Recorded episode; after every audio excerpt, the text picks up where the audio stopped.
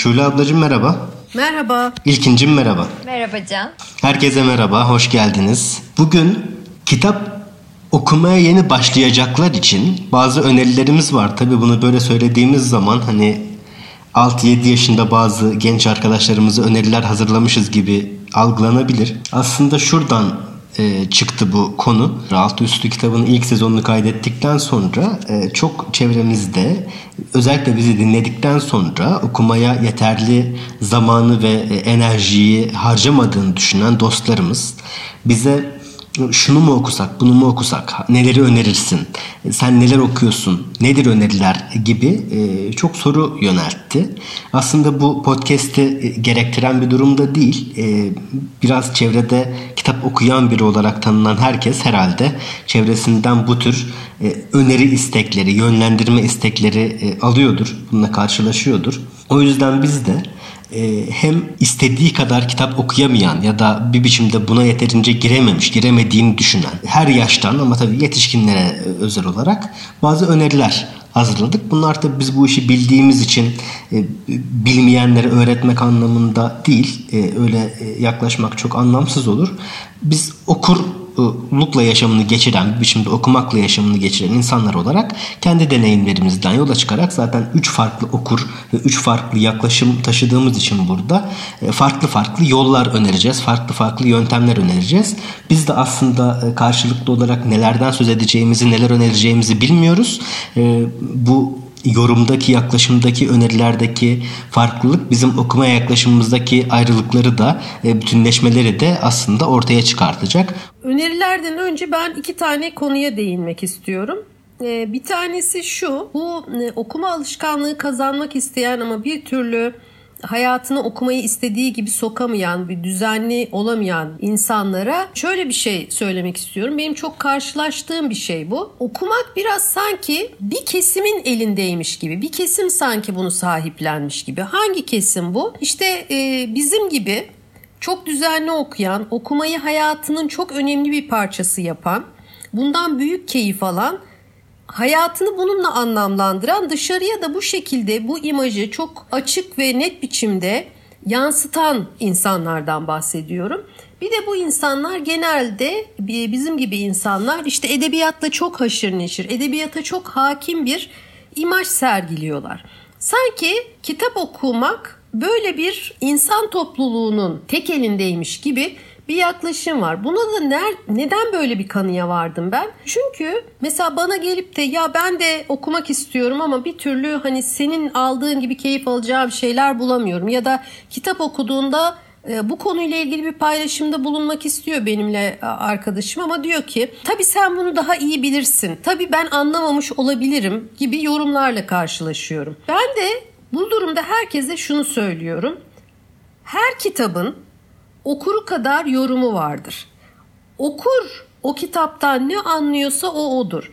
Artık yazar kitabını okurlara sunduktan sonra o yazarın elinden çıkmıştır. Yazarın baktığı pencereden elbette bakıyoruz biz kitapta geçenlere.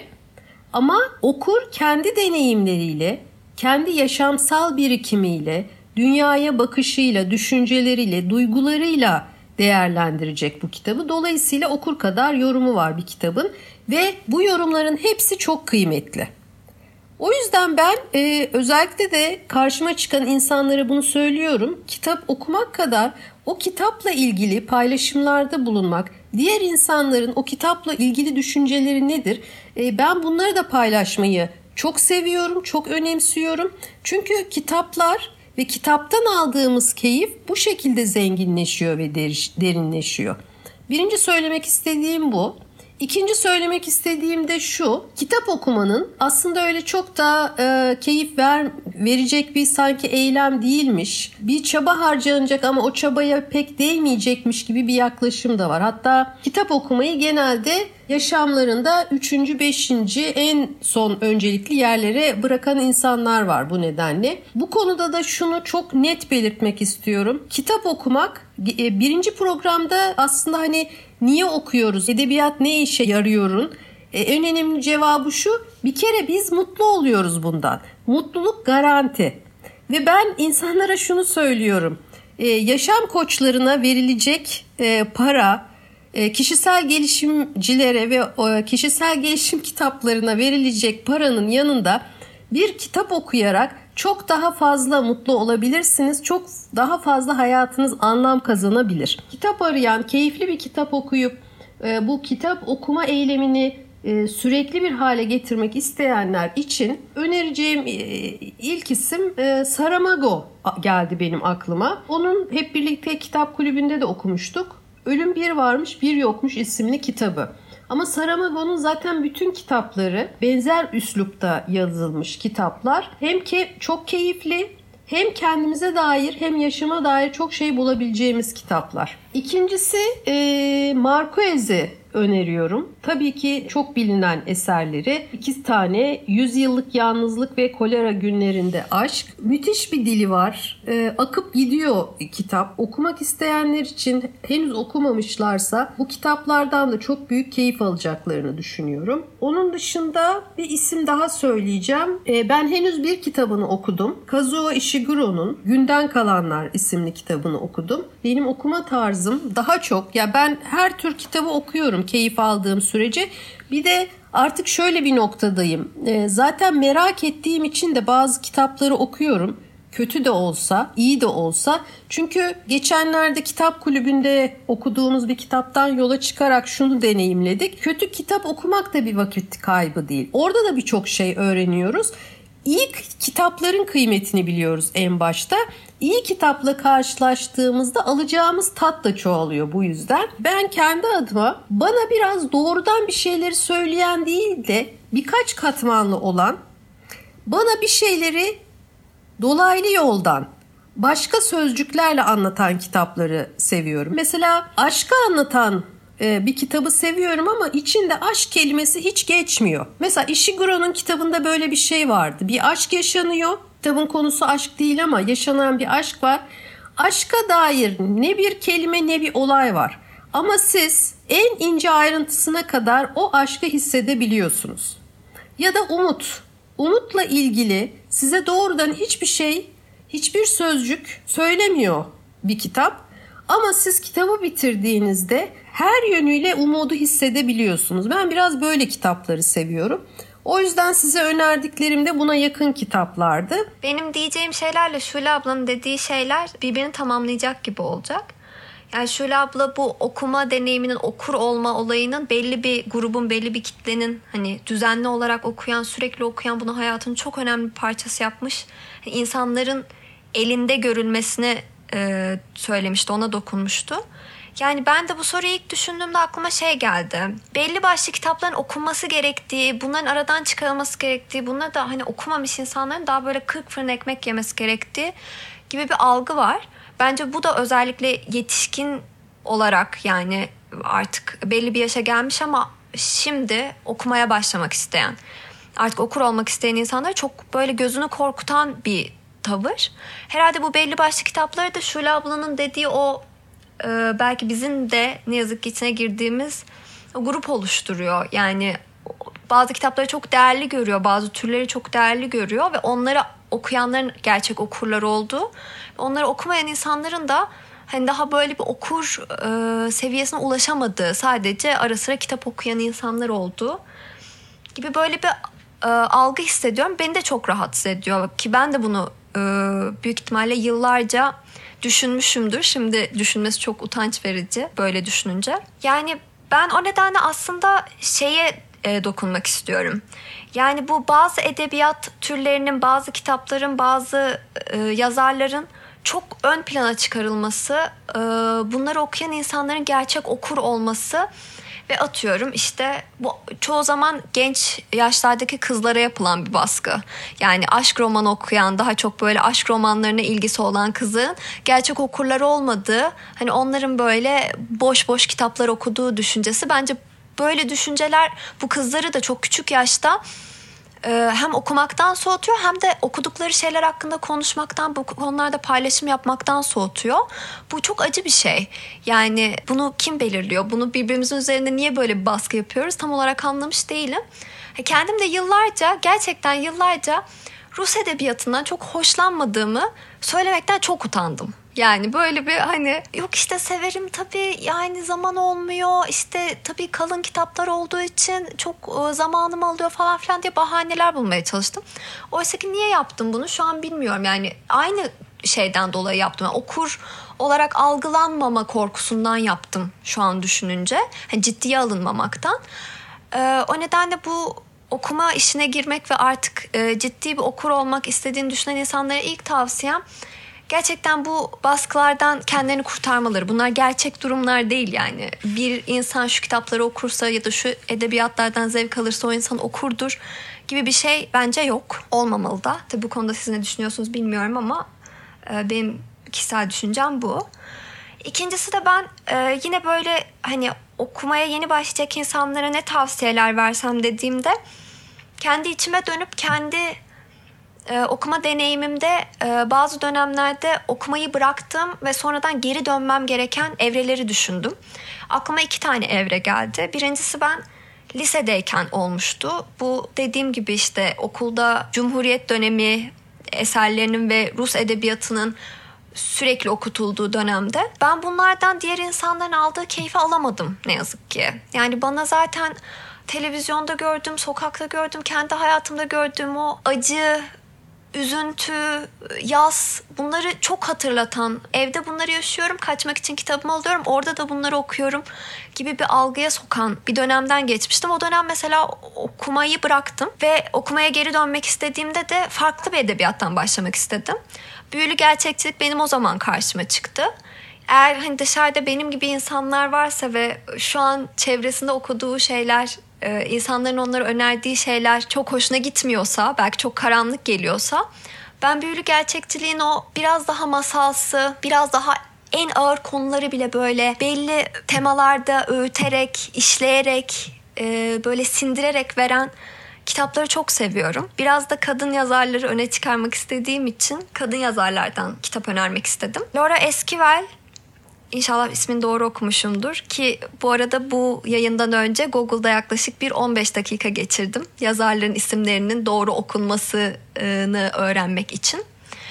Ee, onun Acı Çikolata diye bir kitabı var. Çok çok da güzel bir kitap. Yani içinde anlattığı şeyler çok aslında çok hayata dair konular. Gerçekten bizim hayatta yaşadığımız o acıları, yasları anlatıyor ama onu öyle bir dille, öyle bir masalsı bir tavırla anlatıyor ki biz günün sonunda okurken o kadar büyük bir yükü sırtlamamış gibi hissediyoruz. En azından benim deneyimim buydu. Ama yine de o deneyimi alıyoruz ve e, kendimize katıyoruz.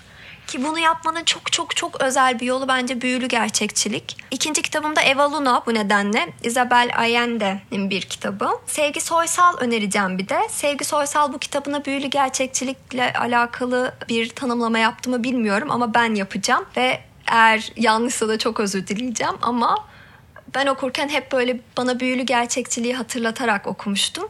Tante Rosa o kitapta. Bunların hepsi aslında çok uzun olmayan kitaplar. Çok da böyle dilleri masalsı, anlatışları yumuşak, gerçek hayatta gördüğümüz şeyleri bize böyle çok farklı temalarda veren, çok farklı e, dilleri olan kitaplar. Yani sıradanın biraz dışında olduğunu umduğum için belki bazı insanları okuma ile ilgili fikirlerini değiştirebilir diye umuyorum. İkincisi de öykülerle başlamak. Ee, ben üniversiteyi bitirdim, yüksek lisansa girdim ve inanılmaz yoğun bir dönemdi. İnanılmaz okumalar yapıyorduk ve ben onun dışında artık hiçbir şey okumak istemiyordum. Hiçbir şeye odaklanamıyordum. Özellikle şu anda çok yoğun çalışan insanlar belki bu mental yorgunluğu hissedecektir. Onlara da böyle bir öyküyle yani romanlarla değil öykülerle başlamasını tavsiye edeceğim. Raymond Carver çok çok iyi bir öykü yazarıdır. Aşk konuştuğumuzda ne konuşuruz diye bir kitabı vardı. Benim çok sevdiğim bir kitap. Bir diğeri de Mine Söğüt yine benim çok çok sevdiğim bir yazar. Deli Kadın hikayelerini önereceğim. Bunlar da kısa hikayeler. Raymond Carver'ınkiler de çok kısa hikayeler. Günde bir tane hikaye okuyup bırakabileceğiniz ama hani bir sonraki gün aldığınızda o böyle bir günün yorgunluğunu üstüne, üstüne böyle bir anlama ne, nerede kalmıştım, hikaye neredeydi gibi düşünmeden yeni bir öyküye başlayabileceğiniz çok çok hafif e, kitaplar. Ben de şimdilik bunları önereceğim. Okuma alışkanlığı ve okurluk meselelerinde seninle tabii ki aynı fikirdeyim. Ee, okumak, okurluk eylemi kimsenin tek elinde değil. e, hem bir bireysel bir eylem, e, bireysel bir yolculuk hem de başkalarıyla paylaşıldığı zaman da çok keyifli bir paylaşıma dönüşüyor bunlar. Ben mesela şeyi çok seviyorum. E, insanlarla kitaplar üzerine konuşmayı. Hatta e, bugün düşündüğümde bu programa gelmeden önce e, düşündüğümde şöyle bir şey fark ettim. Bugün çok yakın dostlarımı ben aslında kitaplar sayesinde onlarla bu yakınlığı sağlamışım. Şöyle anıları çok net hatırlıyorum.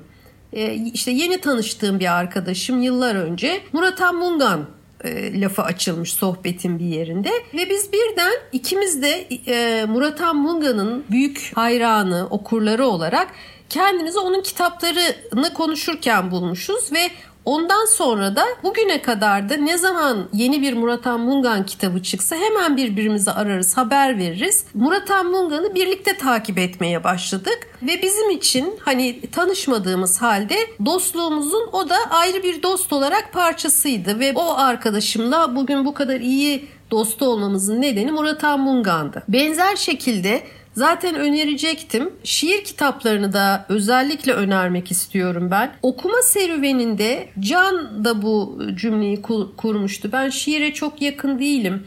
Şiirle aram pek iyi değil sanırım benim e, diyordu o da. Ben bu tür cümleleri hiç kabul etmiyorum. Şiirle de aynı nasıl okuma sürecine yakınlaşmak gibi şiirle de yakınlaşmak çok önemli. Çünkü o da Yine müthiş bir mutluluk kaynağı. Hayatımıza çok önemli anlam veren bir şey. Burada da benim önerilerim tabii ki e, söylediğim gibi Murat Mungan. İkincisi Küçük İskender. Benim saydığım yazarlar, yazarların e, genelde bütün kitapları okunabilir. Zaten ben e, bu okuma serüvenine girdikten sonra en önemli şeyin yazar okumak olduğunu düşünüyorum. Neden? Çünkü zaten bir şey yakalamış oluyorsunuz. Mesela Murat Anmungan'ın ben ilk kitabını okuduğumda sanıyorum şiir kitabını ilk okumuştum. Yaz Geçeri.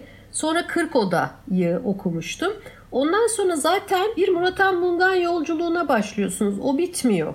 Çünkü zaten çok keyif aldığınız, size çok hitap eden, çok kendinizi özdeşleştirdiğiniz öykülerin, şiirlerin, romanların içinde bulduğunuzda o yazarın bütün eserlerini takip etmeye ve okumaya başlıyorsunuz. E, dolayısıyla bütün kitaplarını tavsiye ediyorum bu söylediğim yazarların ama hani öncelik vermek isterlerse de Murat Anmunga'nın Yaz Geçerini söyleyeceğim.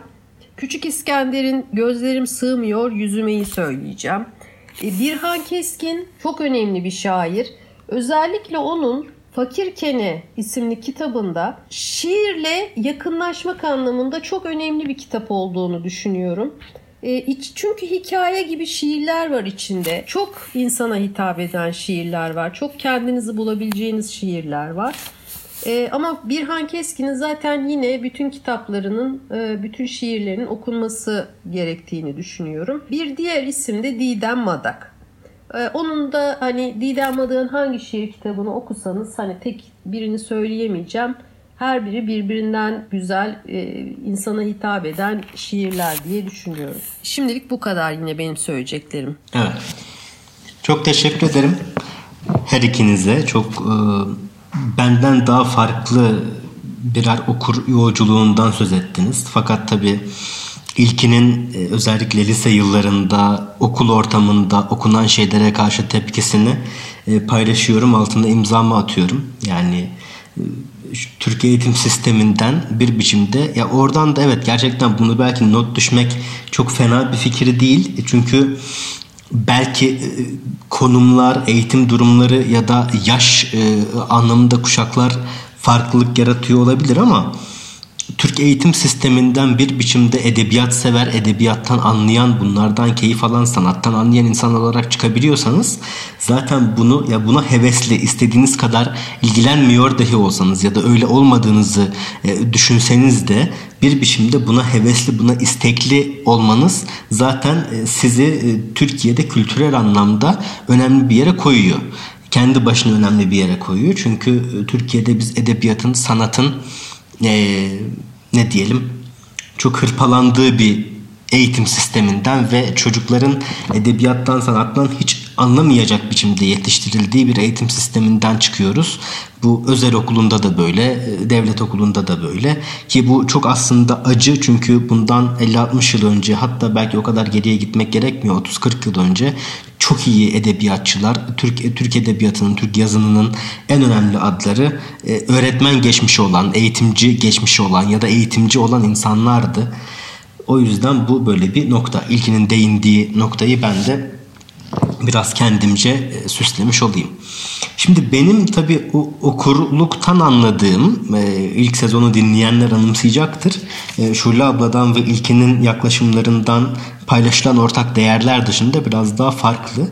Ben e, olabildiğince çok insanın olabildiğince vahşi bir şekilde acı çektiği ve ondan sonra o insanların intikamının alındığı kitaplardan çok keyif alıyorum bu, bu suç yazınını ve gerilim türünü böyle ifade etmek de ne kadar doğru bilmiyorum ama e, ben hep kendimi o suç yazınıyla ve gerilim türüyle e, tanımladığım için ilk sezonda Şule abla okur sence ne arar diye sorduğunda okur belli başlı sorulara yanıt aramaz. Okur, okur duygu arar. Yani kendisiyle ilgili daha içsel bir arayış işindedir anlamına gelecek bir şeyler söylemiştim.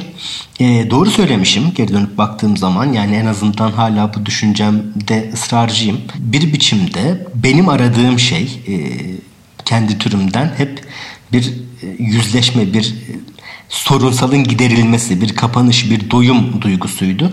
O yüzden de suç yazını çok e, işlevsel o anlamda. Niye buradan girdim? Çünkü benim e, okuma yaşamımda, okurluk yaşamımda bunlar çok belirleyici oldu ve e, polisiye diye Türkiye'de biz çoğunlukla adlandırıyoruz bunu. İnsanların bununla çok ilgilendiğini biliyorum e, çok merak ediyorlar. O yüzden benim 12 yaşında okuduğum ve hala da e, belli bir ölçüde sevdiğim artık biraz e, yoruldum. Kendisi de galiba yoruldu. Yeni kitaplarda o kadar büyüleyici işler yapmıyor ama Jean-Christophe Grange benim için çok büyüleyici bir şeydi örneğin. Ya da e, ilk sezonda da belki konuştuk. Trevanya'nın e, Katya'nın yazından söz etmişizdir. Katya'nın yazı benim yaşamımın en vurucu yapıtlarından biriydi. E, ne beklediğimi kesinlikle bilmeyerek girdim o kitaba ve çok kişiyi armağan ettim. E, çok kişiyi armağan ettikten sonra ben bunu beğenmedim diye bana geri dönen de olmadı dürüst olmak gerekirse ya da hiç anımsamıyorum. E, yine Trevanya'nın e, çok ünlü Shibumi'si e, çok heyecanlı e, bir kitaptı. Çok e, coşturucu bir kitaptı o anlamda. ilgi uyandırıcı bir kitaptı. Tabi bu önerilerin şöyle bir e, yararı var. Bunlar çok erişilebilir öneriler. Yani insanların gündelik yaşamdan çıkmasını sağlayacak, insanların bir biçimde gündelik yaşamın koşturmacasını ikinci plana atabilmesini sağlayacak öneriler.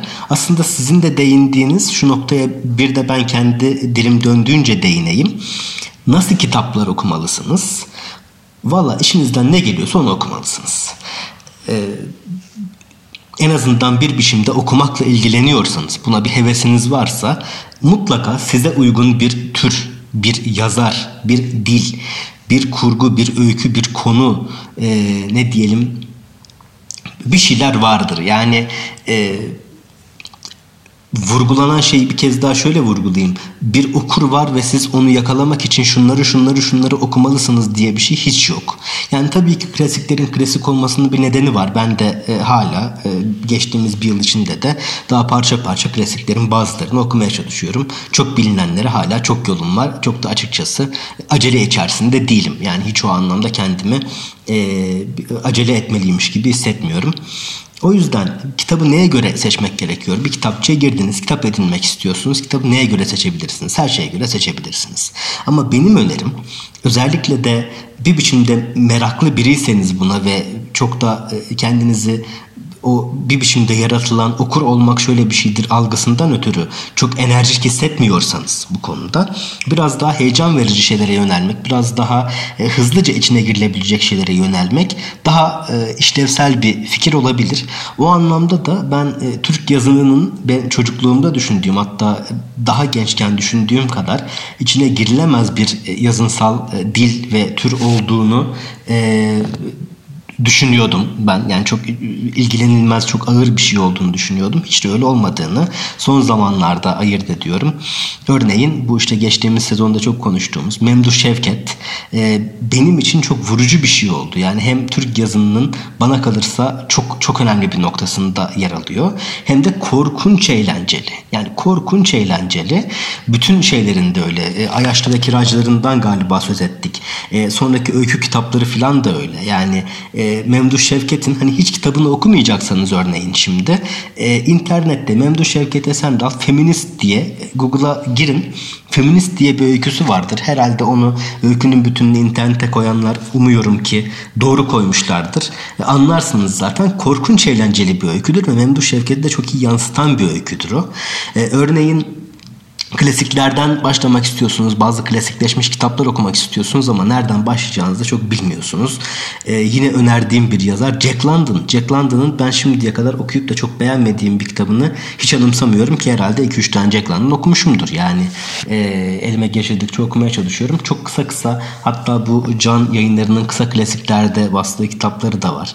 E, ya da örneğin çok ilginç bir noktaya geleceğim.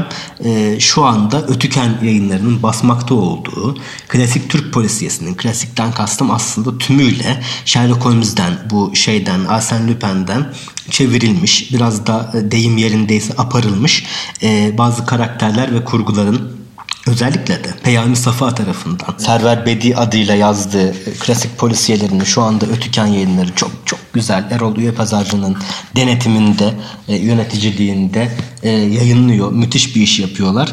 E, bu örneğin hiç insanı yormayacak. Yani hem e, polisiyeye biraz meraklıyım hem Türkçe bir şeyler okumak istiyorum diyen varsa e, çok ilkel şeyler tabii bunlar. Yani bunu e, e göz önünde bulundurmak gerekiyor ama çok da eğlenceli kitaplar. Benim aslında topladığım zaman vereceğim örnek ve vereceğim yaklaşım önerisi şu.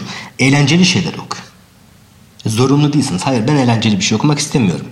Tabii ki yani ya da e, eğlenceli olmasıyla öne çıkan şeyler okumak istemiyorum diyebilirsiniz. O zaman başka şeylere yönelebilirsiniz. Aslında şunu vurgulamak gerekiyor. E, türünden dil tarzına, yazım tarzına, biçemine, e, kurgusuna, öyküsüne, konusuna bazen öyle bir nokta oluyor ki onu ayrıca konuşacağız kapağına kadar türlü nedenlerle kitap seçebilirsiniz birini seçen daha fazla okur, ötekini seçen daha az okur diye bir şey hiç yok. Herhalde bölümde bunu yeterince vurguladık. Ama benim kişisel önerim her zaman için eğleneceğiniz, sizi heyecanlandıran, yaşanmak zevkini size e, biraz daha canlı bir biçimde duyumsatan şeylere yönelirseniz düş kırıklığına uğramazsınız diye düşünüyorum. Çünkü ben hep öyle yapıyorum. Yani can keyif aldığınız şeyler e, okuyun dedi ki çok haklı bir e, söylem bu. Aynı zamanda ben burada şey de söylemek istiyorum bu ıı, vesileyle. Yeni keşfettiğim bir şey bu benim kendi hayatımda.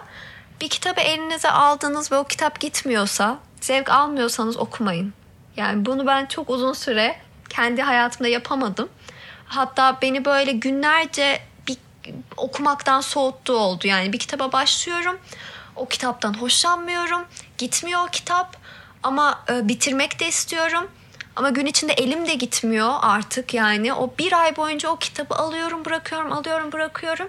Ve kendime de işkenceye dönüyordu. Neden bu kadar ısrar ediyordum? Neden bu kadar sanki hayatım buna bağlıymış gibi davranıyordum bilmiyorum ama ilk özellikle ilk böyle okumaya başladığınızda ve insanların tavsiyesiyle okumaya başladığınızda insanların tavsiye ettikleri böyle ya da kesin şunu okumalısın dedikleri kitapları yarısını sevmeyeceksiniz. Yani yarısı size göre olmayacak. Çünkü okumak bir önceki bölümde de söylediğimiz gibi çok kişisel bir deneyim. Kesinlikle katılıyorum buna. O kadar o kadar güzel bir şey söyledin ki kesinlikle katılıyorum buna. Evet yani o kişisel bir deneyim olduğu için de bu insanların hani önerdiği şeyleri sevmeyebilirsiniz ya da e, böyle gördüğünüz bestseller olan ya da çok bilinen klasik olan kitapları sevmeyebilirsiniz. Gerçekten yazık size de yazık. Sevdiğiniz şeylere yönelin. Daha keyifli şeylere yönelin. Yani onu bırakın başka bir tür deneyin. Başka bir kitap deneyin. Başka bir yazar deneyin. Bu konuda e, yani benim de kendime yeni öğrettiğim bir şey olduğu için paylaşmak istedim. Bir kitabı yarıda bırakmak ya da çok sevilen bir yazarı sevmeme gayet normal bir durum. İlkin çok çok önemli bir şey söyledi. Altına imzamı atarım. Hatta şunu da eklemek isterim eğer söve söve okuyacaksanız ki olabilir yani istememişsinizdir. Bazen ruh halinize göre değişir. E, kitapların zamanları da olabilir. Yani bir zaman bırakırsınız bir süre sonra elinize alırsınız ve çok keyif alırsınız. Ama eğer e, iki ay önce diyelim ki bıraktığınızda bitirmeye niyetlenseniz belki hiç keyif almayacaksınız. Bu kez kitaba da haksızlık. Yani kitap iyi bir kitap olabilir ve siz gerçekten bir biçimde iletişim kuramamışsınızdır. O e, kitapla okur arasındaki o benimseyici, kitabı bir biçimde bütünleşici ilişkiyi kuramamışsınızdır. Olabilir. Hep hepimize oluyor. Öyle olduğu zaman eğer kitap iyi bir kitapsa kitaba da haksızlık, size de haksızlık, zaman kaybı, enerji kaybı hiç gerek yok. Ama e, gerçekten kötü bir kitap da olabilir. O zaman zaten zaman kaybı hiç uğraşmaya da gerek yok yani. Ben de şöyle bir ekleme yapacağım. Ee, son sözlerimi söyleyeceğim bu eklemeden sonra eklemeyle birlikte zaten. Ee, şimdi programın başından beri okuma eylemine e, insanları çekebilmek için işte bunun çok bireysel bireysel bir e, süreç olduğunu, e, keyif almanız gerektiğini, sonuçta keyif alacağınız şeyleri okumanız gerektiğini, işte ilkinin dediğine katılıyorum. Ben bunu maalesef halen başaramıyorum. Sevmediğiniz bir kitap varsa yarım bırakabilirsiniz. sonuçta içinizden ne geliyorsa onu okuyun diyoruz. Tüm bunları yaparken de yalnız şu ayrıntıyı kaçırmamamız gerekiyor. Kitap okuma eylemi de emek isteyen bir şey. Yani e, çok yüzeysel bir şey değil. Böyle onu çok önemli bir yere, çok böyle yücelteceğim bir yere koymuyorum ama hayatımızın bir parçası yapabilmemiz için disiplin kelimesini Can da sevmiyor. Ben de çok uygun görmüyorum okuma eylemi için ama sonuçta kitaplara bir emek harcamamız gerekiyor. Onun da altını bir çizmek istiyorum ben. Yani onu sevmedim, bunu sevmedim. Canım şimdi okumak istemiyor. Kafam iyi değil. Yani bahanemiz her zaman çoktur zaten bazı şeyler için. Okumayı günlük yaşamımızın bir parçasına dönüştürmemiz gerekiyor. Ve programın başında söylediğimi tekrar edeceğim. E, bunu yaptığımız takdirde mutluluğu garanti ediyorum ben. Mutluluk garantisi var kitap okumakta onu söyleyeyim. Son birkaç öneri daha ben yapıp bu programla ilgili söyleyeceklerimi noktalayacağım. İlkinin dediği gibi okuma eyleminin e, keyfi açısından öykü kitaplarını tercih etmek her zaman e, çok iyi geliyor bence. Onun için birkaç tane de öykü kitabı önereceğim. Öykü deyince benim aklıma hemen Calvino geliyor. Italo Calvino. Ee, onun sanırım Yapı Kredi'den toplu öykülerinin olduğu bir kitap çıkmıştı. Ee, onu özellikle tavsiye ediyorum. Yani öykü deyince zaten Calvino'nun bütün öyküleri e, okuyun hepsinden çok keyif alacaksınız diye düşünüyorum. Son dönemde yine bizim kitap kulübünde okuduğumuz Mahir Ünsal Eriş'in Sarı Yaz çok iyi öykülerin olduğu, çok keyif alacağınız bir kitap. E, Sarı Yaz'da benim insanlara çok armağan ettiğim ve e, anımsadığım kadarıyla kötü bir dönüş almadığım, e, okuttuğum e, çok kişinin de çok beğendiği bir kitap oldu. E, Sarı Yaz çok çok e, eğlenceli ve çok keyifli ama çok da vurucu olabilecek bir kitap. E, onu da ben de kesinlikle öneriyorum. Altını bir kez daha çizelim Şule ablanın önerisini. E, iyi olur. Zaten Mahir Ünsal Eriş'in bence Sarı Yaz en iyi kitabı. Yani edebiyat konusunda, edebiyat tadı açısından da e, en üst mertebesi diyeyim. Hani böyle derecelendirmek çok doğru değil ama e, Sarı Yaz için bunu söylemek istiyorum. E, Mahir Ünsal Eriş'in hangi kitabını okusanız çok keyif alacağınızı düşünüyorum. Çünkü ben okur olarak e, mizahın, ironinin, edebiyatın vazgeçilmez bir parçası olduğunu düşünüyorum ve mizah ve ironiyi tam kıvamında kullanabilmesi bir yazarın, bir kitabın benim için onu e, çok iyi bir kitap haline getiriyor. Mahir Ünsal Eriş de bu işi çok iyi yapanlardan bir tanesi. Yine bu işi çok iyi yaptığı için iki öykücü ismi daha söyleyeceğim. Bir tanesi Banu Özyürek, bir tanesi de Sine Ergün. Banu Özyürek yeni yazarlarımızdan, genç yazarlarımızdan iki kitabı var. Poz ve Bir Günü Bitirme Sanatı her ikisini de ben çok sevdim. Kısa öyküler var içinde. Onun için çok keyifle ve çok rahatlıkla okuyacağınızı ve size çok hitap edeceğini düşünüyorum. Diğeri de Sine Ergün. Sine Ergün'ün yazım tarzı çok ilginç gelecektir. Ben çok şaşırdım. Hani benim bu tarzda okuduğum ilk kitaptı. Başka bu tarzda yazan başkaları var mı pek de bilmiyorum açıkçası. Baştan Kara isimli öykü kitabını okudum. Çok kısa öyküler. Hatta şöyle söyleyeyim kitaptaki birkaç öykü bir paragraf sadece. Ama bir öyküde olması gereken her şey de var yazılanda. Ben çok etkilendim ve bunu yapabilmek bence çok büyük bir beceri istiyor. Sine Ergün de genç yazarlarımızdan bir tanesi. Hani kısa olduğu için de öyküler belki hani e, Sine Ergün okuyarak da e, öykü okuma konusunda keyif alacağınız bir yola girmiş olabilirsiniz diye düşünüyorum. Benim söyleyeceklerim bu kadar. Ben de o zaman son bir e, çağrı ve son bir öneriyle kapatayım.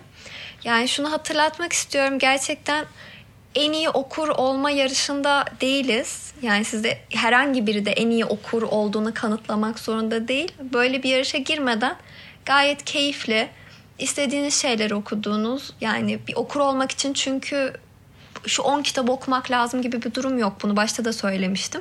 Ya da şu 10 yazarı çok sevmemiz gerek gibi bir durum yok. Hani böyle şeylere girmeden kendi kişisel deneyimimizde, kendi kişisel okur yolculuğumuzda ilerlediğimiz böyle çok güzel okuma deneyimleri yaşayabiliriz. O nedenle lütfen okurun okura zulmü bitsin demek istiyorum. Ee, bir tane tweet vardı eskiden hatırladım hiç de unutmam. Hani tahmini ne zaman hepimiz Ulysses'i okumuş gibi yapmayı bırakacağız diye. Yani ben mesela okuyamadım o kitabı. Yine asla itiraf edemiyordum o tweet'e kadar. Bazı yazarları bazı kitapları sevmeden de gayet iyi okurlar olabiliriz. Ee, ikincisi de Şule abla ve Can'ın aksine ben herkese önerdiğim ve kimseden iyi dönüş almadığım bir kitabı buradan da önermek istiyorum. O da Sezer Ayran'ın Nasıl Rahibe Oldum kitabı. Belki bir gün birine öneririm o da benim kadar sever diye bir umut her yerde öneriyorum. Bu podcast'te de önermeyi o nedenle istedim. Bence gerçekten çok ilginç bir kitap, çok ilginç bir bakış açısı, çok ilginç bir öykü. Böyle mesela beni bu e, büyülü gerçekçilik dediğim akıma iyice çekmiş bir kitap. Hani belki size de bir kapı olur. belki bir gün biri sever benimle bu yolculuğa çıkar diye hala bekliyorum. Ben de böyle kapatmak istedim. Ben araya girmek istiyorum Ulysses konusunda. E, denk gelmişken ben de paylaşayım seninle. Ben Ulysses'i okumak hep istiyordum ama bu işte okunması gerektiği için değil de e, bende şöyle bir şey var. Bu kadar sevilen bir kitabı e, okuyup hani o tadı ben de almak istediğim için okumak istemiştim Ulysses'i. Başladığımı bitirmek zorundayım çünkü e, sonunda hani sevmesem bile ya sonunda acaba başka bir şey olabilir mi diye son sayfaya kadar gidiyorum. Ulysses'e de başladım. 250 sayfa okudum. İnatla. Hiçbir şey anlamadan. Hiçbir şey anlamadan 250 sayfa gittim.